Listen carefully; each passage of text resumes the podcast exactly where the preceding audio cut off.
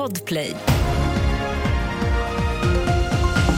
Här är senaste nytt. Furuviksparken där fyra och sju schimpanser sköts ihjäl under en rymning för ett år sedan öppnar för att ta in nya schimpanser. Anledningen är att schimpanserna är flockdjur och behöver bo med fler individer för att må bra men experter är kritiska och säger att parken inte kan ta hand om djuren.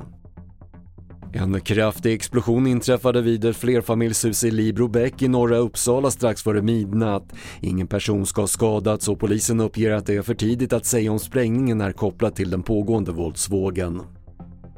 Och det blir krav på att lära sig om antisemitism i gymnasiet och regeringen gör en ändring av innehållet i ämnet historia som ska gälla från höstterminen 2025. Den traditionella frågan om rasism och utsatthet det kommer också belysas i, i undervisningen men vi förtydligar att eh, inte minst judar och de andra nationella minoriteterna har en särställning vad det gäller skydd eh, och behov av att vi också eh, belyser vad de har varit utsatta för och vad de utsätts för idag. Det sa Liberalernas partiledare Johan Persson och fler nyheter finns på tv4.se. Jag heter Patrik Lindström.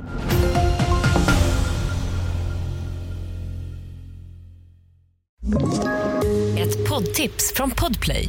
I fallen jag aldrig glömmer djupdyker Hasse Aro i arbetet bakom några av Sveriges mest uppseendeväckande brottsutredningar.